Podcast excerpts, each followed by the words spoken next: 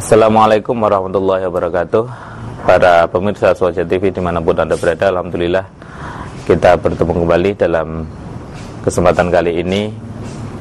Acara Islam Kebangsaan Alhamdulillah sudah ada bersama dengan kita Kiai Haji Salahuddin Wahid. Uh, Beliau adalah pengasuh Pondok Pesantren Tebuireng Jombang Jawa Timur yang juga uh, merupakan uh, salah satu tokoh di Nahdlatul Ulama dan tidak asing lagi bagi seluruh rakyat Indonesia karena beliau juga merupakan tokoh nasional yang uh, pergaulannya melingkupi lintas generasi dan juga lintas golongan. Alhamdulillah kita kali ini bersama dengan Kiai Haji Sulahuddin Wahid uh, Insya Allah nanti akan membincangkan tentang bagaimana perkembangan dunia Islam secara umum peran para agamawan, peran pesantren dan nahdlatul ulama dalam kehidupan kebangsaan di Indonesia ini. Assalamualaikum Mbak Kiai. Waalaikumsalam warahmatullahi uh, wabarakatuh. Perjalanan bangsa Indonesia sudah 70 tahun kira-kira dan perjalanan uh, Muslim Indonesia sudah kira-kira memasuki masa 5 atau 6 abad. Uh, lebih saya rasa. Lebih ya. Lebih dan tentunya dalam kurun masa yang sepanjang itu memiliki banyak dinamika, memiliki banyak e, pasang surut dan e, terkait dengan berbagai keadaan baik keadaan ekonomi masyarakat maupun keadaan pemerintahan. Nah, e, khususnya mungkin dalam kurun waktu 70 tahun itu dan lebih khusus lagi kira-kira dalam 40 tahun terakhir di mana eh, bangsa kita mengalami dua zaman yaitu disebut sebagai zaman Orde Baru dan eh, masa reformasi itu kira-kira apa perbedaan paling mencolok yang dialami oleh umat Islam di Indonesia? Ya, kebebasan kan terasa sekali ya setelah Orde Baru tumbang gitu ya. Kebebasan terasa sekali bahkan terlalu bebas gitu itu tidak bisa kita pungkiri kemudian di dalam politik muncul orang-orang tokoh-tokoh Islam melalui berbagai jalur. Nah, kebebasan yang seperti itu juga memberi ruang bergerak yang besar kepada berbagai kelompok di dalam Islam, ya kan? Masuk ke dalam sini. Baik yang liberal, Ahmadiyah, Syiah, yang fundamental, bahkan yang mempropagandakan khilafah Islamiyah seperti HTI juga muncul gitu ya.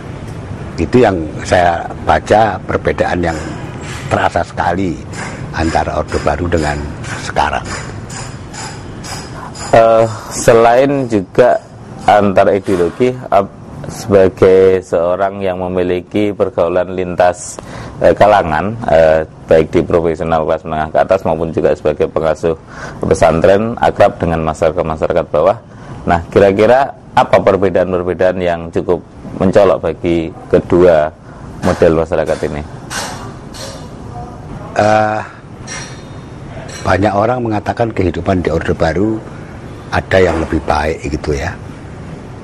Ada kekuatan kekuasaan yang kuat yang bisa mengendalikan. Sekarang ini kan tarik menarik luar biasa ya. Apalagi dalam waktu terakhir terakhir ini hukum itu kayaknya makin lama makin kecil perannya. Kalau di Orde Baru hukum ada tapi sangat represif ditafsirkan oleh penguasa gitu. Yeah. Nah ini ini juga dua hal yang sulit untuk kita anggap mana yang lebih baik. Gitu. Ya, kalau kira-kira dampaknya misalnya bagi uh, masyarakat yang di bawah, kan uh, ada gium enak zaman kuto, nah itu kan uh, seakan-akan tidak dikenal di masyarakat yang atas karena masyarakat uh, yang sehari-hari sudah selesai urusan perut Eh, hampir-hampir tidak memikirkan ya, itu. Saya tidak tahu persis uh, kenyataan sebetulnya ya. ya. Tapi kalau kita membaca statistik atau membaca informasi dari dunia luar misalkan, Ya. ada perbedaan yang yang tajam. Pemerintah mengatakan orang miskin itu sekitar 12-13 persen. Padahal kalau menurut Bank Dunia dengan ukuran tertentu yaitu 2 dolar per hari per orang Per orang. pendapatan 2 dolar per orang per hari kurang lebih 50 persen. Jadi ada perbedaan yang cukup besar. Pemerintah kan ngukurnya 7.000, 8.000. 2 dolar kan 25.000 gitu. Nah, itu yang terasa gitu. Eh, saya punya pengalaman yang yang menarik. Suatu hari di Tebu Ireng saya memperhatikan ketika selesai sholat taraweh santi-santi salaman sama saya saya memperhatikan bahwa banyak santri yang badannya itu pendek kontek Iya. kate ya Iya, iya. Hmm. terus saya tergerak untuk melihat seberapa banyak yang seperti itu kemudian saya meminta kepala sekolah untuk mengukur tinggi badan anak-anak yang misalkan 140 ke bawah Ya.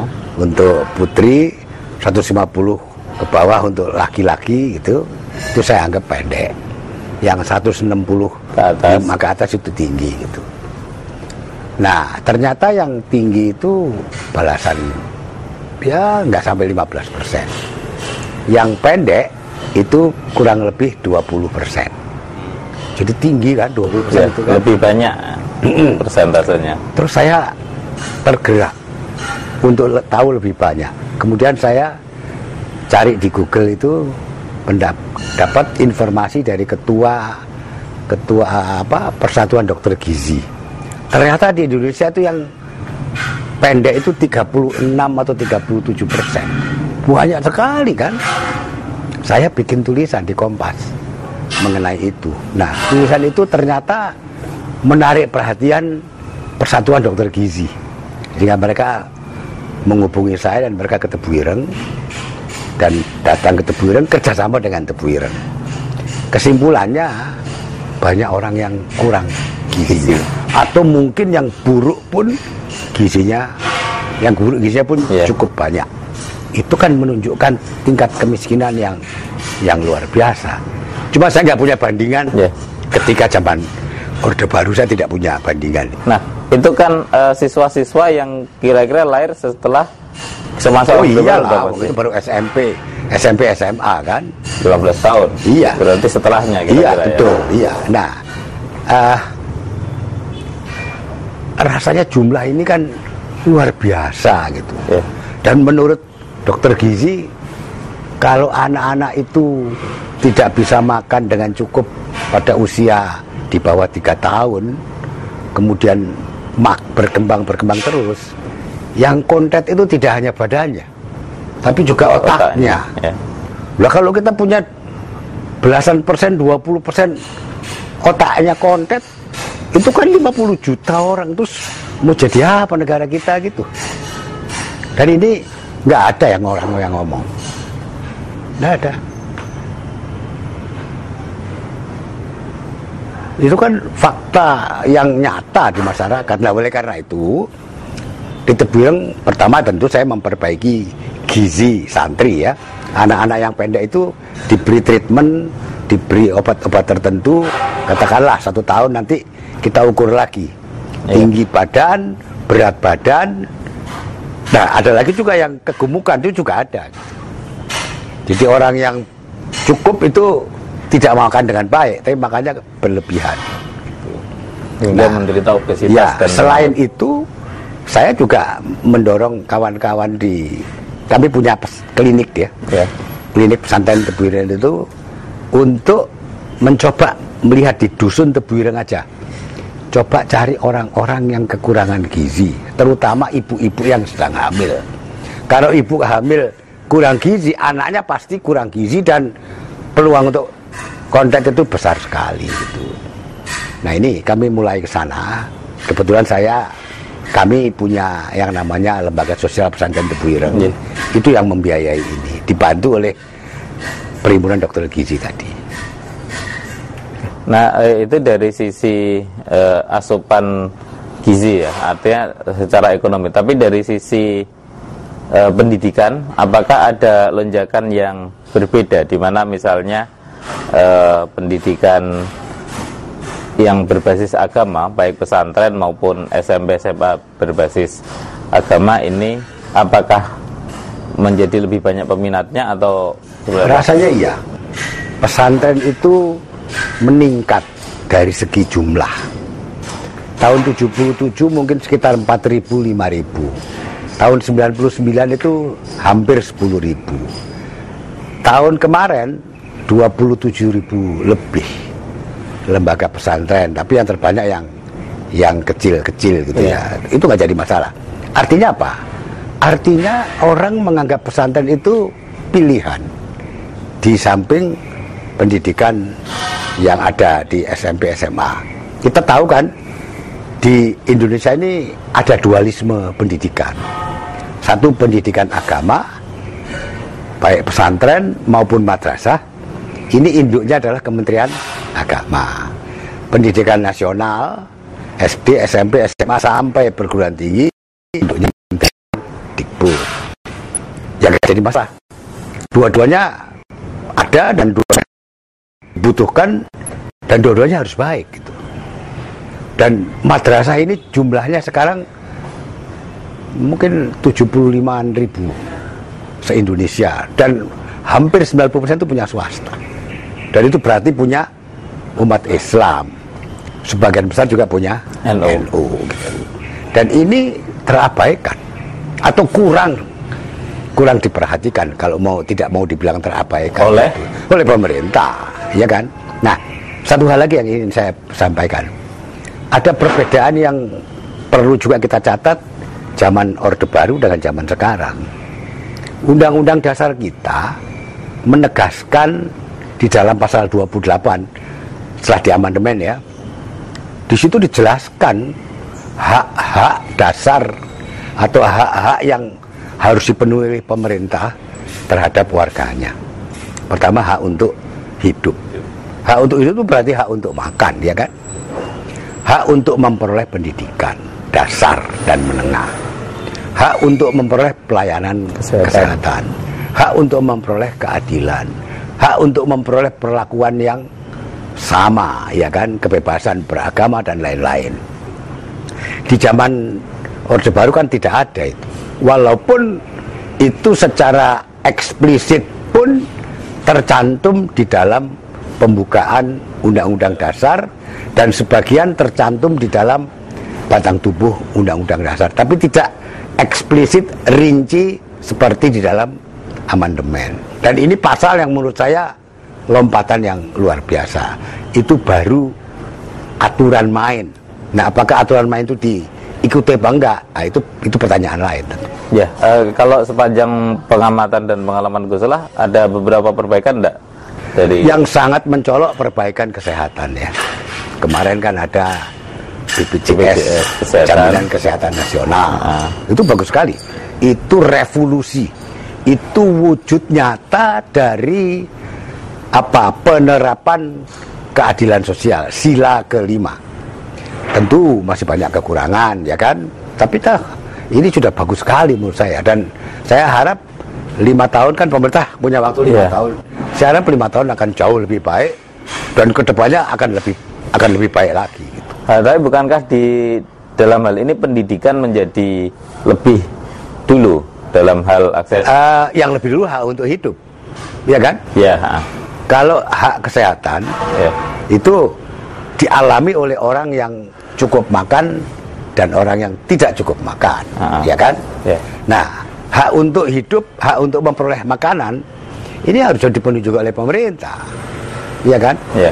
Dan ini menurut saya pemerintah kurang, kurang memperhatikan itu. Kita bandingkan dengan negara lain ya. Saya paling senang mengambil contoh itu Belanda. Kenapa? Karena Belanda pernah menjajah kita. Kita selalu bilang Belanda itu kejam, Belanda itu menghisap. Betul, menghisap kita. Tapi untuk terhadap rakyatnya dia tidak menghisap. Kita menghisap rakyat sekarang masih kan. Nah ini bagaimana gitu Di Belanda itu kalau orang nggak punya pekerjaan, dapat tunjangan sosial besarnya 1000 euro. Jadi kurang lebih 15 juta. Kita mesti juga ke arah sana mestinya kan.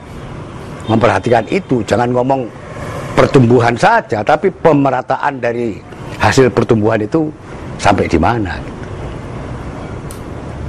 Um, dalam hal akses atas hak hidup tentu saja adalah akses atas uh, pekerjaan. Ya. Lebih spesifik lagi adalah akses atas level pekerjaan. Apakah selama uh, ini kira-kira menurut Gus masyarakat khususnya kaum dari pesantren itu memiliki akses terhadap pekerjaan yang lebih bagus. Tentu kalau dibanding dengan zaman dulu apa mobilitas vertikal tamatan pesantren bagus sekali sekarang ya dibanding 30 tahun yang lalu gitu. Bayangkan saja sekarang rektor perguruan tinggi negeri yang berlatar belakang pesantren itu banyak sekali. Itu kan capaian yang yang luar biasa gitu kan. Nah, kalau kita selalu mengklaim bahwa warga NU itu 40% dari rakyat Indonesia, umat Islam, berdasarkan hasil survei, maka mestinya minimum ya 25% dari tamatan perguruan tinggi bahkan yang juga mengajar di perguruan tinggi itu warga NU sebetulnya. Cuma kita tidak pernah tahu siapa saja mereka dan tidak pernah tahu juga bagaimana mereka bisa kita apa sinergikan untuk tujuan yang baik, untuk tujuan mensejahterakan masyarakat, mencerdaskan kehidupan bangsa. Itu kalau menurut saya yang ya. harus kita perhatikan. Uh, dari sebegitu uh, besar dan semakin membesarnya akses terhadap pendidikan dan juga pekerjaan yang uh, semakin bagus di lingkungan warga Nandin, uh, apakah ini berdampak terhadap uh, sumbangsih pembangunan bangsa secara iya, umum. Iya, saya, saya potong sebentar. Tadi masih kelupaan. Tadi yang saya ceritakan yang sudah melakukan mobilitas vertikal. Tapi jumlahnya itu kan tidak banyak dibanding keseluruhan rakyat Indonesia. Buruh migran, saya yakin 70% itu warga NU. Apakah anggota Fatayat, apakah anggota Muslimat, apakah anggota Ansor, saya yakin itu. Dan ya mudah-mudahan Menteri Tenaga Kerja yang orang NU ini juga memperhatikan gitu. Yang kemarin menurut saya kurang, kurang dampaknya gitu.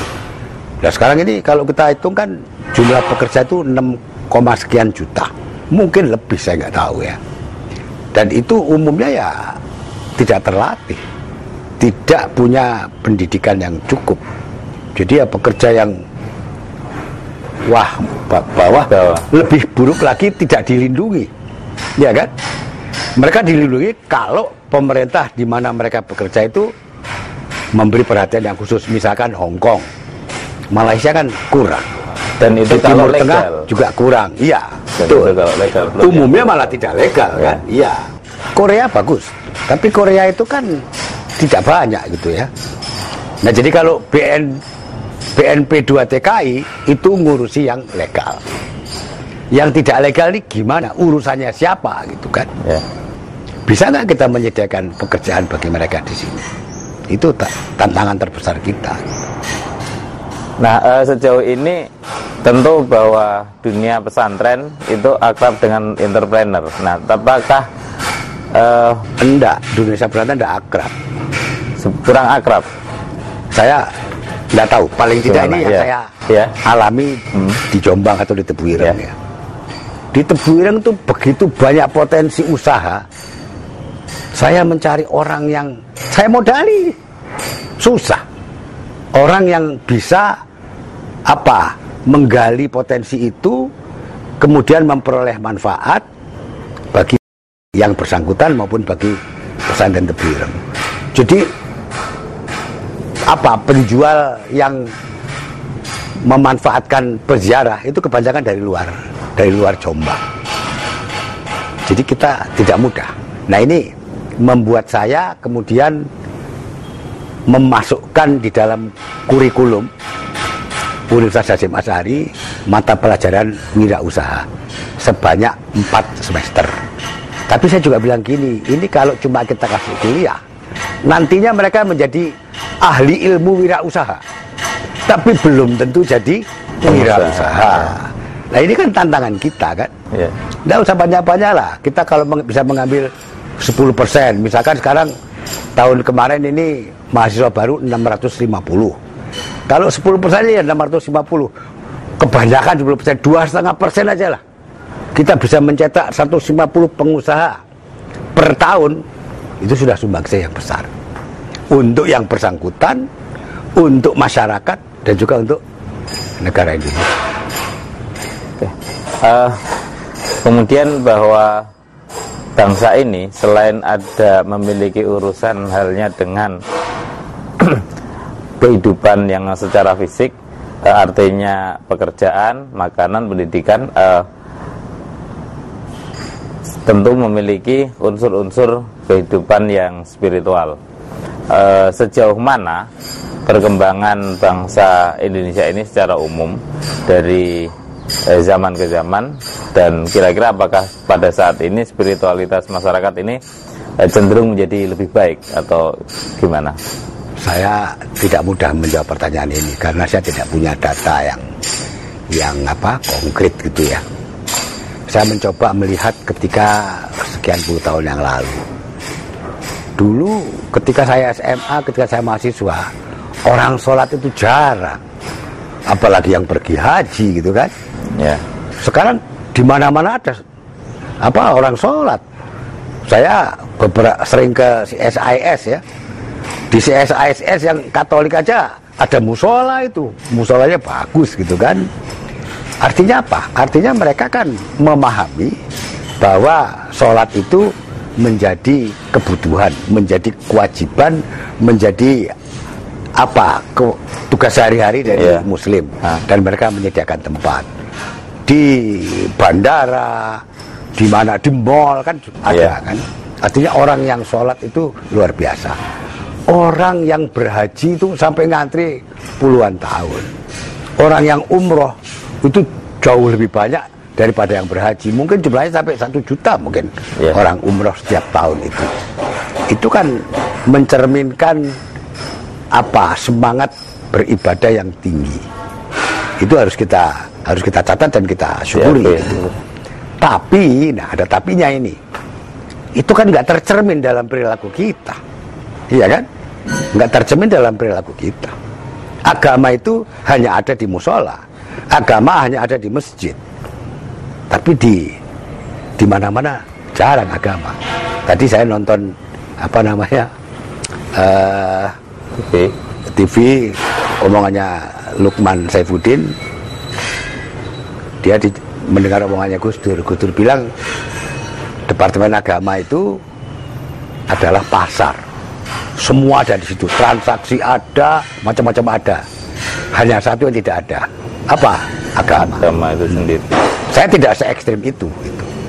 cuma menurut saya kementerian agama itu kementerian bukan agama jadi kalau namanya kementerian tentunya kaidah-kaidah kementerian lah yang berjalan kaidah agama melengkapi itu Jadi ada kaidah birokrasi. oh iya itu Ada yang paling menentukan politik, gitu ya. kan ya nah hal lain kita lihat sekarang sejauh mana ibadah yang kita lakukan itu berbekas Ya. kepada kehidupan kita gitu kan? Ini kan bagaimana kita bisa memaknai apa yang kita lihat sekarang? Korupsi tambah banyak tidak hanya korupsi uang ya. KPU di KPU itu kan banyak yang bohong itu. Jual beli suara itu terjadi ya kan? Ya. baik waktu pileg maupun waktu pilkada maupun pilpres dan itu banyak juga orang pesantren yang di KPU itu. Terus apa artinya pendidikan pesantren? Kalau mereka juga melakukan hal-hal yang dilarang oleh agama. Ya kan? Itu kan di dalam saya nggak ingat surat apa. Kan kita tidak boleh apa mengurangi timbangan. Ya. ya kan? Tidak boleh mengurangi timbangan mengurangi ukuran. Nah itu kan jelas itu ukuran si calon yang satu kita kurangi, kita berikan kepada calon yang lain. Terus apa artinya keagamaan kita? Nah, tapi kan itu uh, menurut saya mungkin menjadi tidak adil ketika uh, tadi kita bicara tentang aplikasi keagamaan adalah uh, dalam ritual itu dilakukan oleh seluruh lapisan masyarakat ya, dan di mana pun. Betul di mall, di seluruh gedung-gedung tinggi di kota-kota besar selalu ada jumatan yang penuh dan lain sebagainya. Uh, tetapi ketika contoh-contoh pelanggaran uh, tidak sinkronnya antara nilai-nilai agama dengan kelakuan seseorang itu uh, adalah contoh-contoh orang-orang elit. Nah, uh, oh tidak elit lah pak, tidak elit. Orang mau jadi mau jadi polisi aja bayar, iya kan? Mau jadi pegawai negeri itu juga bayar. Bupati-bupati itu banyak yang mengutip. Jadi itu sudah perilaku umum gitu loh. Yang menerima membayar, menerima bayaran, yang mau masuk membayar. Ya, yang mau masuk karena keterpaksaan kan. Saya menarik, ada yang orang bilang, lebih baik saya jual apa namanya sawah saya. Karena kalau diolah sawah ini belum tentu untung. Tapi kalau sawah saya, saya jual, supaya anak saya jadi pegawai negeri udah pasti untung terus gitu sesederhana itu gitu. nah ini bagaimana bagaimana praktek yang tidak benar ini bisa kita perangi bisa kita lawan nah e, sampai di sana kira-kira masalah yang paling dominan atau yang paling penting yang belum ada itu apa? Saya tidak tahu. Saya cuma bisa menyampaikan fakta yang menyedihkan itu dan saya tidak tahu jawabnya apa. Iya, karena begitu apa namanya ya, begitu masifnya hal-hal itu terjadi gitu kan. Loh sekarang ini kan ngeri kita lihat hampir di semua tempat seperti itu. Orang menggunakan kekuasaannya untuk kepentingan dia gitu. Jadi kalau terjadi semua saling percaya tidak ada antar lembaga aja nggak saling percaya sekarang Terus bagaimana? Ini kan masyarakat yang memerlukan syarat, yaitu mutual trust, saling percaya. Saling percaya itu penting sekali. Bayangkan keluarga, katakanlah saya misalkan anak saya tiga. Kalau nggak ada saling percaya, apa yang kita harapkan dari keluarga ini nggak ada. Makin besar misalkan saya dengan kakak dan adik saya dan anak-anaknya itu juga diperlukan saling percaya gitu kan. Yeah. dan itu menurut saya hilang bagaimana? Padahal itu di dalam Islam kental sekali dengan dengan apa? Ajaran-ajaran semacam itu. Ya cuma tadi itu yang saya tekan-tekan ya. Saya ambil contoh di Tebuireng aja yang paling gampang ya. Kita kan tahu itu uh, kebersihan adalah bagian dari iman itu tapi berapa persen? Pesantren yang bersih gitu kan? Dan dan itu menjadi salah satu yang saya beri perhatian khusus. Jadi ketika saya masuk ke Tebuir itu saya hanya minta tiga hal. Pertama kejujuran kedua kebersihan dan yang ketiga saya tidak tidak ingin ada kekerasan di sini. Kekerasan antar santri maupun kekerasan oleh guru, guru ustadz, kepada, kepada santri. santri. Itu yang saya ingin Kebersihan alhamdulillah cukup berjalan ya. Kekerasan juga bisa jauh berkurang walaupun masih ada. Itu kan bisa kita lihat, ya kan? Yeah. Itu bisa kita lihat. Kebersihan bisa kita lihat, kekerasan orang ngampel kan pasti kelihatan. Tapi kejujuran bagaimana? Bagaimana Anda tahu bahwa santri kita itu jujur, jujur? Mengambil barang itu masih ada, itu wajar lah. Kalau apa terjadi gitu. Misalnya WhatsApp Ah, itu masih terjadi ya itu kalau hal-hal kecil itu saya masih anggap walaupun sebetulnya akan jauh lebih baik kalau kalau oh. tidak ada gitu yes. ya. Nah dulu ada yang namanya kantin kejujuran tahun 2000 ketika saya masuk ke Tebuireng itu saya baru mendengar istilah itu karena saya diceritani oleh seorang kepala sekolah SMA di Jakarta di sekolahnya itu dia menerapkan kantin kejujuran apa artinya artinya di kantin itu tidak ada yang jaga. Di kantin itu disediakan semua barang, kemudian ada kotak uang. Kalau kita membeli, misalkan mau beli teh, Misalkan harganya 5000 kita membawa uang 10.000 ya kita 10.000 kita taruh kembali 5.000 kita ambil dan kita minum gitu kan dia bisa berjalan saya nggak tahu apakah sudah 10 tahun ini masih berjalan seperti itu saya coba di gagal dan saya belum berani mencoba lagi gitu. tapi satu hal yang menggembirakan saya sampaikan kepada guru-guru jangan sampai ada murid yang nyontek. Gimana caranya? Ya, kasih tahu, awasi kalau mereka lagi ulangan. Kalau ada yang nyontek, yang nyontek dan yang dicontek, suruh ulangan, ulangan bareng. Ditunggui oleh oleh si guru tempatnya dibedakan agak jauh. Kan ketahuan siapa yang nyontek, siapa, yang di, memberi contekan gitu. Dan itu kita harus harus apa? harus beri sanksi kepada si yang nyontek itu. Dan ini sudah berjalan. Jadi kalau ketahuan nyontek, si murid pada upacara bendera, misalkan Senin gitu, setelah sholat duha, upacara bendera, mereka meminta maaf kepada guru dan meminta maaf kepada kawan-kawannya karena melakukan tindakan yang tidak baik nyontek. Di hadapan umum?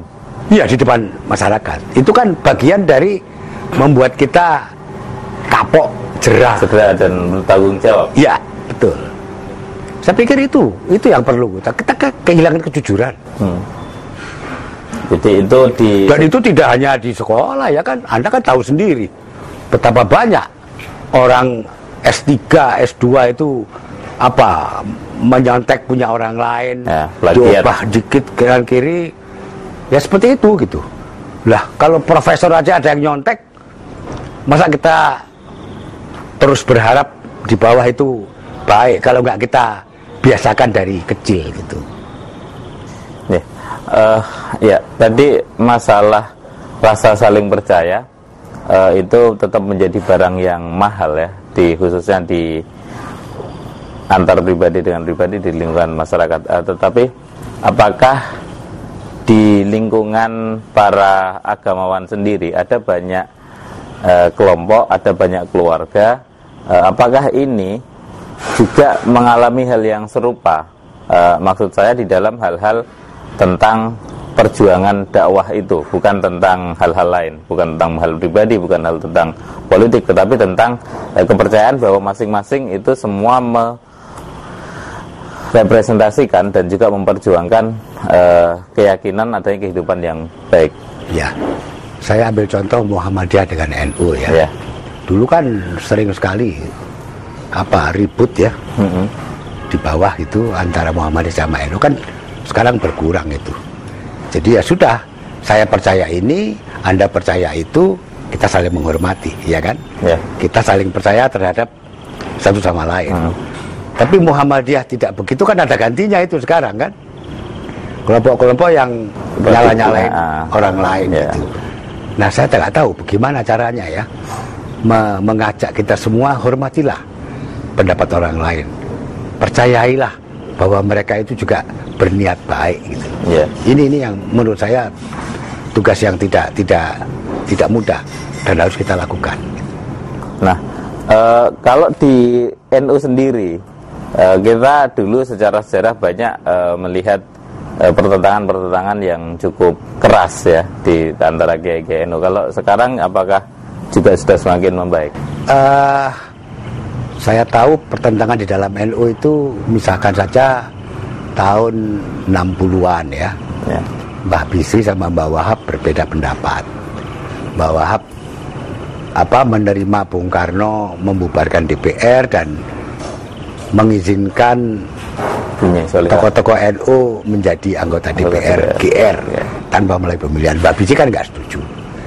Tapi kita lihat tidak ada masalah, ya kan?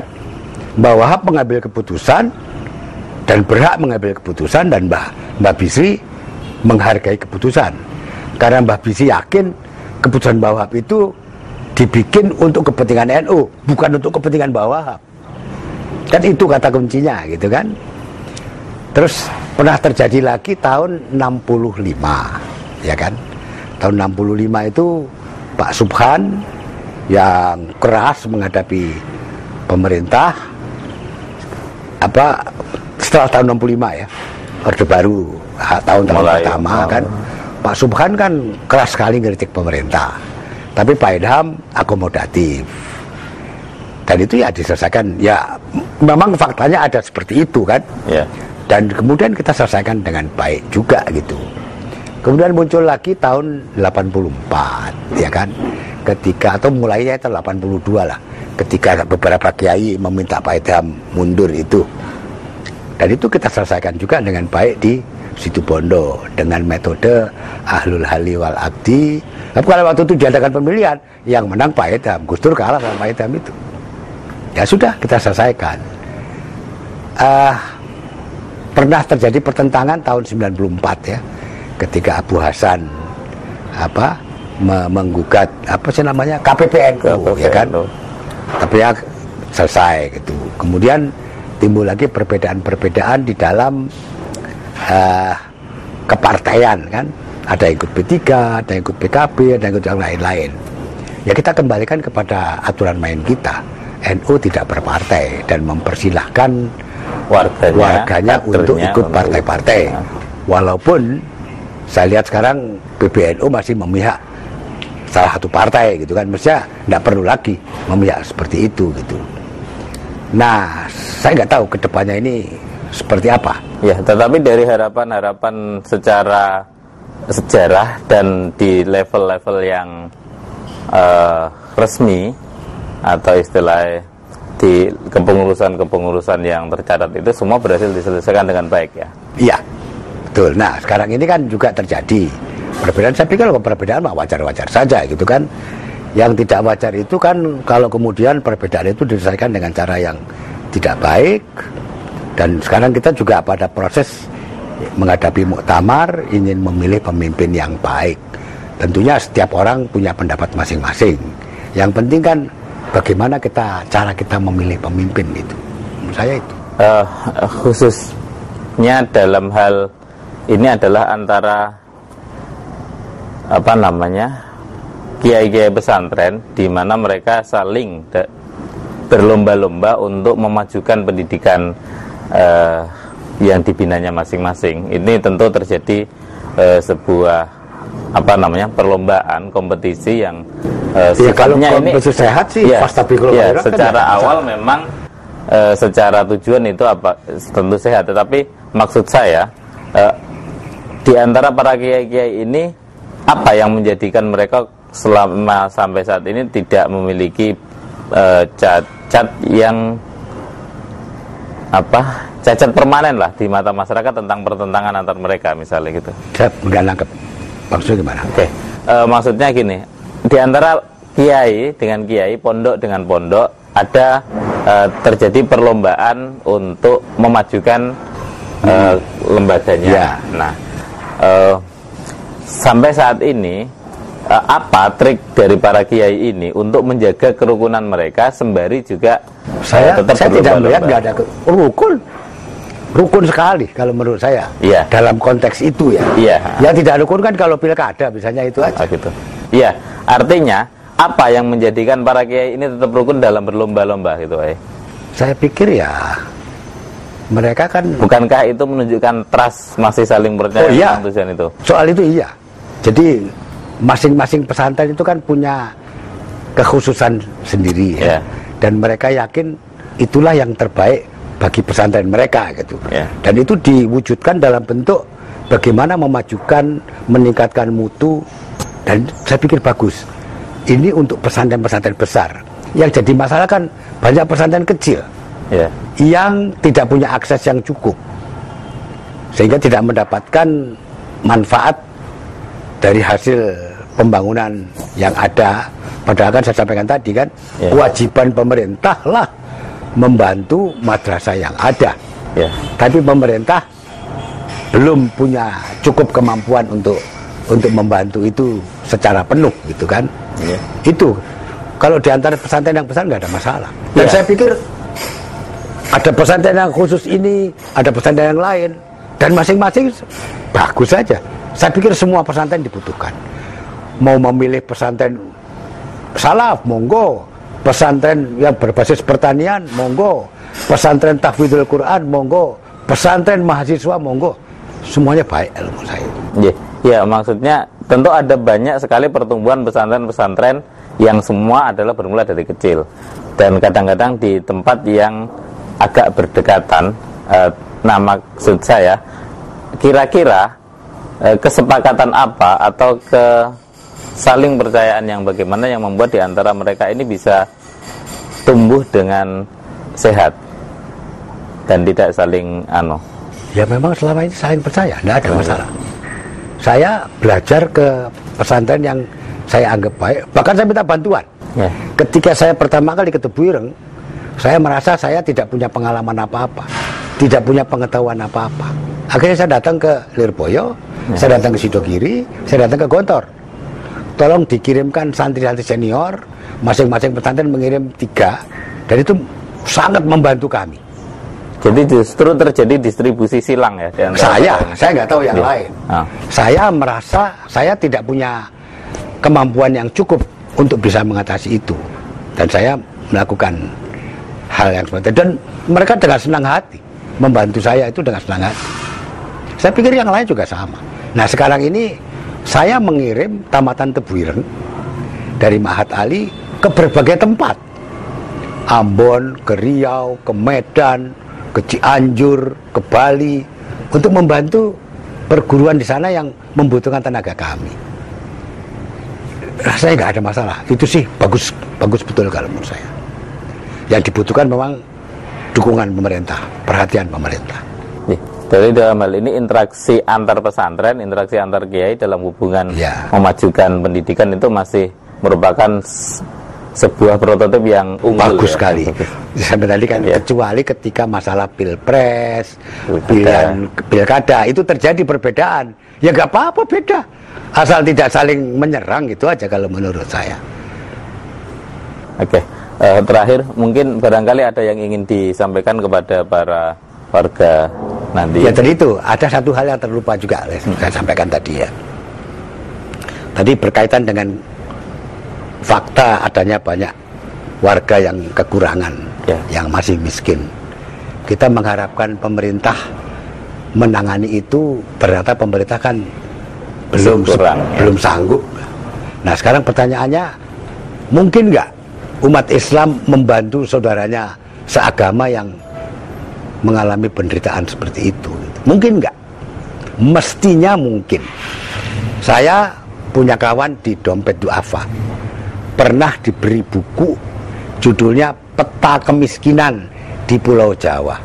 Jadi mereka tahu dusun-dusun mana, desa-desa mana yang banyak orang miskin dan mudah-mudahan saya diberi lima tahun yang lalu mungkin ya.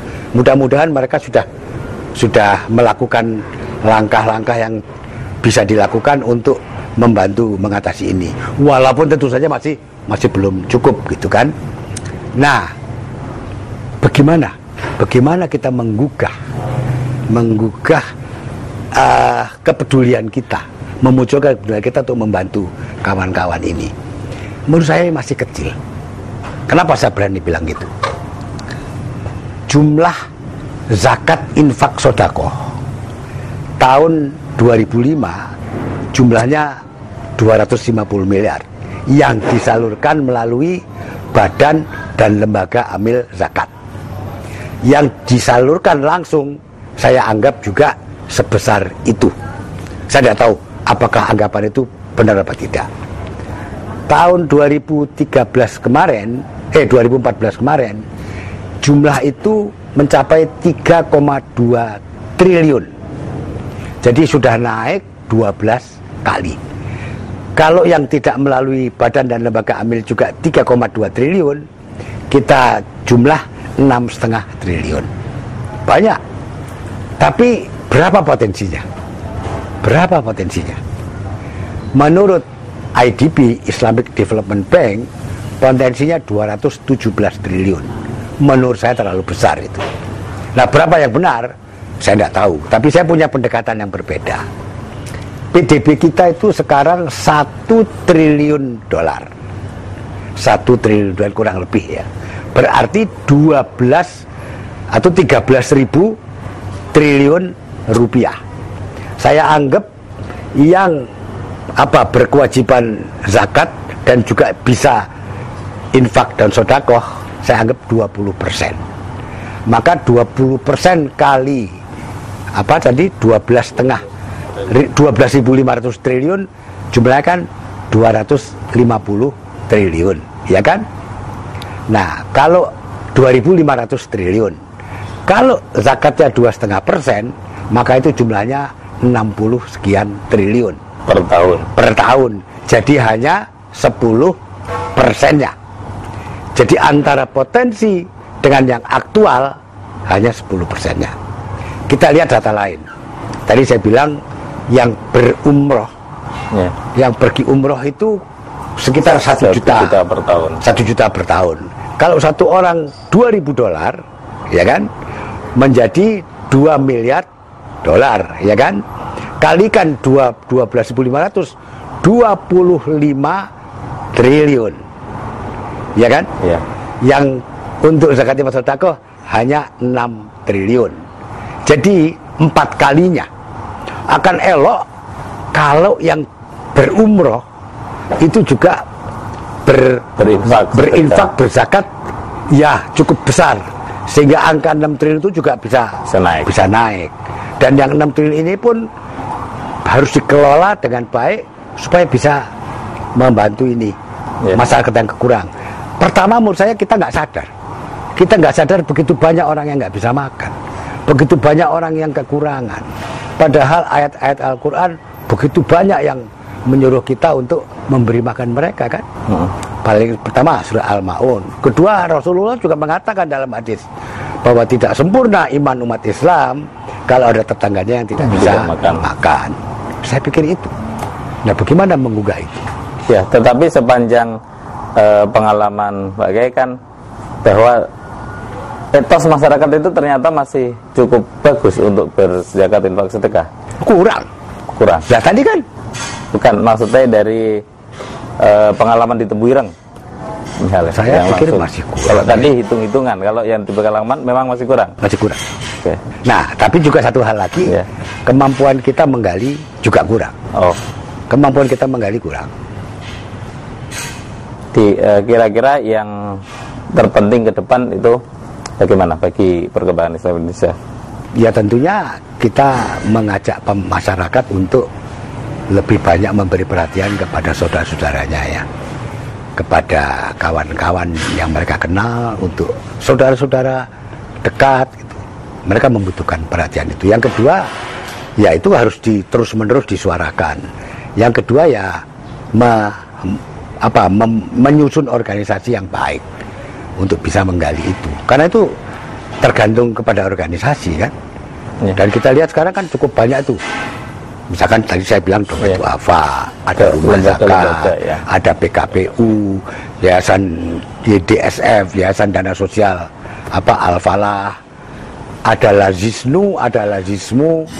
Nah ini ini ini yang menurut saya perlu perlu diperbaiki, perlu ditingkatkan, perlu didorong supaya lebih produktif kalau menurut saya itu. Oke, Oke, eh, terima kasih para pemirsa Aswaja TV di mana pun anda berada dan juga terima kasih Bapak Kiai.